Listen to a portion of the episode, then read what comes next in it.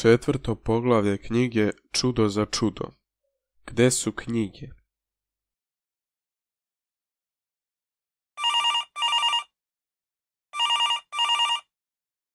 Ko to može da poziva u dva sata ujutru? Pitao se gospodin Goja pogledavši budilnik pored kreveta. Tapkajući u tami u potrazi za slušalicom, ipak je polu glasom nekako uspeo da se javi na telefon. Pozdrav porodici Goja. Nemate mnogo vremena. Iznesite sve verske knjige iz kuće. Saopštio je glas na drugom kraju linije. Ko je to?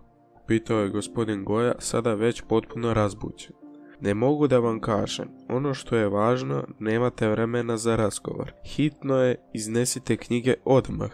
Zvuk tona iz slušalice obeležio je činjenicu da je onaj koji ih je nazvao smatrao svoj poziv završen. Ustajte svi, požurite, nemamo vremena za gubljenje, povikao je gospodin Goja glasno svojom uspavanoj porodici. Tajna služba je na putu da pretraži našu kuću u potrazi za verskim knjigama i literaturom. Pavel i njegove sestre skočili su iz kreveta i pridružili se roditeljima koji su već reagovali na hitnu situaciju. Niko nije morao da im objašnjava da je upozorenje bilo veoma ozbiljno. Porodica Goja imala je jednu od najobivnijih biblioteka duhovne literature u zemlji. Mnogobrojni prevodi Biblije, skupovi biblijskih komentara i nadahnujućih knjiga oblagali su zidove kancelarije gospodina Goje. Ove knjige su bile glavni izvor u crkvi za pravljanje kopija kad god je to bilo moguće. Ubrzano su skidali knjige sa polica i gurali ih u kutije. Kad su napunili prvih nekoliko kutija, gospodin Goja ih je odneo i smestio u prikolicu sa točkom na desnoj strani svog motocikla. Dobacujući mu putstvo preko ramena, onoliko glasno koliko se usuđivao, rekao je ostatku porodice da nastave sa pakovanje knjiga jer, će jer će se on za nekoliko minuta vratiti. Bez zakopčavanja jakne velikom brzinom se udaljio sa svojim dragocenim teretom. U rekordnom vremenu motocikl se vratio sa imanja deda Goe izvan grada po još jedan paket knjiga. Iznova i iznova je gospodin Goja odlazio motociklom na natovaren knjigama sa osjećajem olakšanja i crpljeni tim za pakovanje knjiga brzo je natovario i poslednju kutiju knjiga u prikolicu kako bi bile prenete u sigurno utočište na selu. Tek kad je motor bio vraćen na svoje mjesto za parkiranje, gospodin Goja se usudio da se opusti i da odahne. Bio je iscrpljen, ali porodica je pobedila u trci sa vremenom. Kleknuši zajedno, zahvalili su Bogu za zaštitu njegove knjiga i njih sam. Ustajući sa molitve, ugasili su svetla, nestrpljivi da prihvate pozive svojih kreveta kojih kao da su ih očekivali.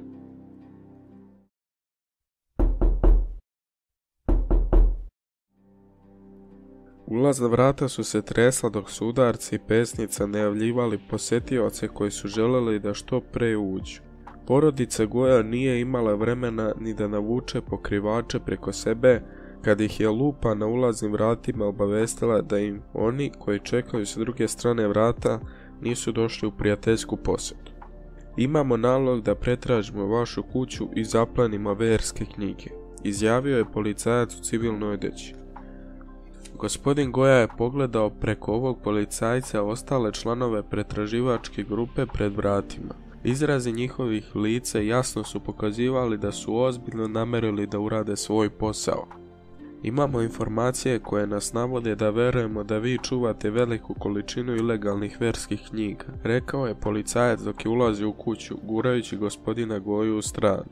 Za tren oka čitava mala vojska policajaca u civilnoj odeći sa crnim rukavicama ispunili su kuću i počeli da pomeraju nameštaj, slike i tepihe. Marljivo su pretraživali svako mjesto na kome su sumnjali da mogu da se kriju verske knjige.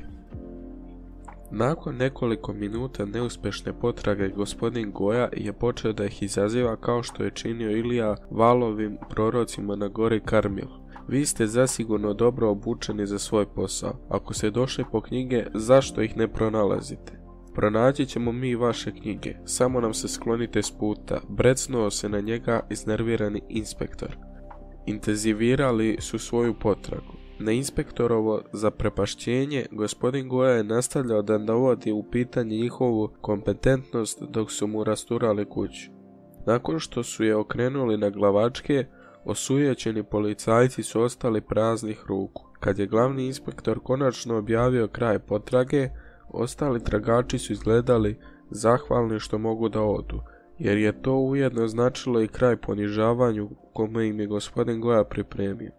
Kritikovanje njihove suprotnosti bilo im je veoma neprijatno, jako se činilo da je u tome barem gospodin Goja uživao. Čim su svetla policijskih automobila nestala u tami, porodica Goja se vratila na kolana u znak zahvalnosti za Božje proviđenje nad njima. Ovog puta su stvarno duboko zaspali. Sutra ih je čekalo spremanje ogromnog nereda, ali to im nije teško palo jer su Božje knjige bile na sigurno. Iako je Pavel još uvijek pohađao srednju školu, preživio je više proba svoje vere nego što ih većina ljudi doživi tokom cijelog svog života. Progonstvo mladih službenika nije prestajalo. Nastavljajući da podježe pred ovom porodicom prepreku za preprekom, ali zajedno sa ostalim vernicima. Porodica Goja je obećala da će ostati verna u svojoj službi Bogu i deljenju svoje vere. Biblije je u to vreme bilo gotovo nemoguće nabaviti. Neki od novih vernika nikada nisu imali prednost da drže Biblije u svojim rukama. Zajednički delujući u molitvi, vođe crkve su se odlučile za izuzetno opasno rešenje. Uspostavljen je kontakt izvan zemlje sa nekim ko će im nabaviti Biblije. Kad su dobijene vize, zakazano je kratko poslovno putovanje. Vrativši se u dvorište crkve, skidali su panele sa vrata svojih automobila, otkrivajući sakriveno blago. Sljedeće nedelje u crkvi niko nije rekao ni reč o novim Biblijama. Mnogi ushićeni vernici su ih, međutim, pronašli u klupama na mestima gdje su redovno sedeli. Nekoliko ovakvih uspješnih poduhvata postaklo ih je da nastave sa još rizičnim planom. Jedan od članova crkve radio je posao kome se od njega zahtevalo da često poslovno putuje preko granice svojim kombijem. Bila je to savršena prilika za proširenje njihove podzemne operacije krimčarenja. Nekoliko noći pod okriljem tame njegov kombi je pretvaran u kombi za krijumčarenje Biblija. Profesionalni varelac napravio je u kombiju lažni pod koji je savršeno ličio na original. Sad su dobili kapacitet da prevoze Biblije. Ne deseta komada odjednom, već količinu od više kutija. Operacija švercovanja Biblija je već uveliko u toku kad je Pavel primio poziv od lokalnog policijskog šefa tajne službe. Želeo je da ga angažuje da naštimuje klavjer u njegovom domu. Kao mali sporeni posao Pavel je počeo i da štimuje klavire. Njegovo oštro uho za razlikovanje tonova i ljubav prema muzici učinili su ga jednim od najboljih štimera klavira u okolini. Dok je Pavel završavao posao oko štimovanja klavira, između njega je policajca za koga je obavljao posao, razvilo se malo prijateljstvo. Sviđaš mi se Pavel, dobar si dečko, rekao je policajac uz osmeh. Mogu li nešto da uradim za tebe? Odrastajući u zemlje koje je vladin sistem bio prepun korupcije, pomjećivanja i činjena usluga, Pavel je savršeno razumeo šta je policajac po tim podrazumevao.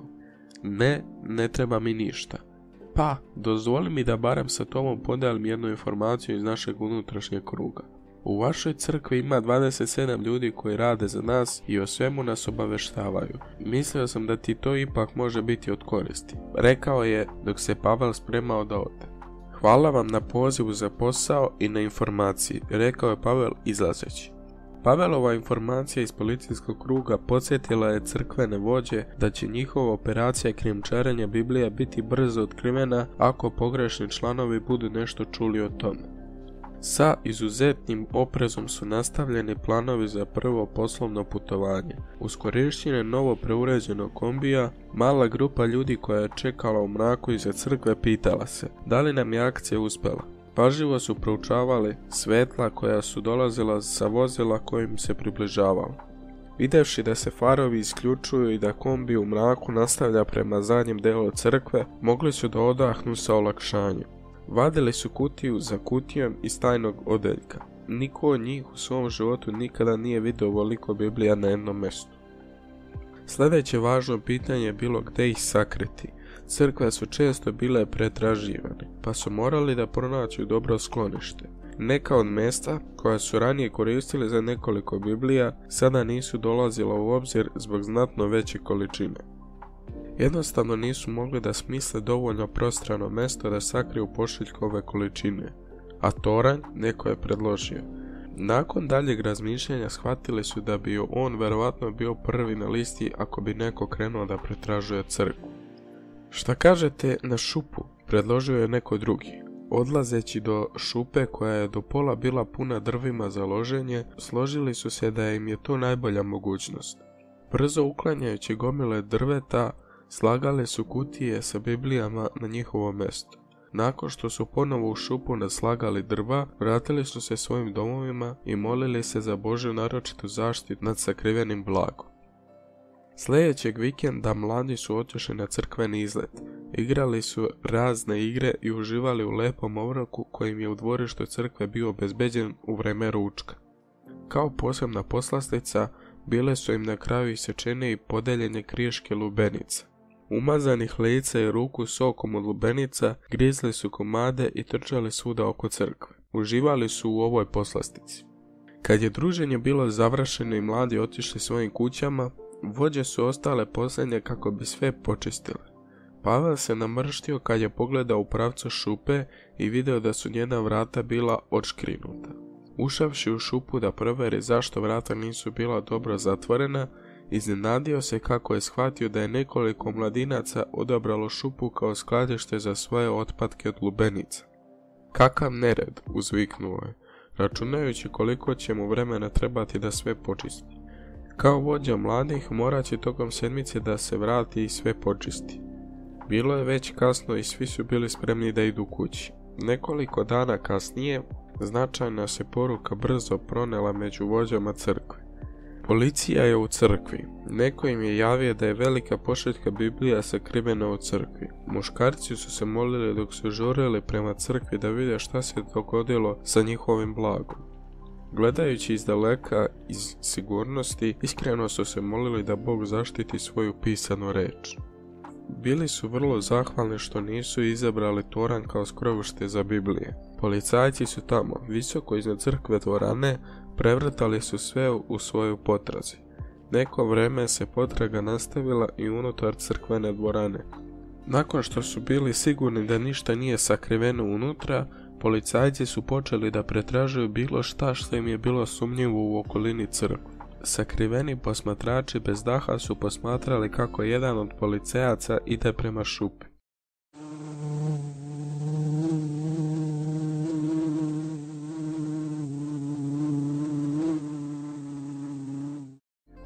i vrata, odskočio je unazad. Roj ljutih osa zujao mu je oko glave nezadovoljni što im je prekinuta gozba nad korama lubenica. Činilo se da su ove kore na proslavu privukle i sve ose sa prostora od okolnih 8 km.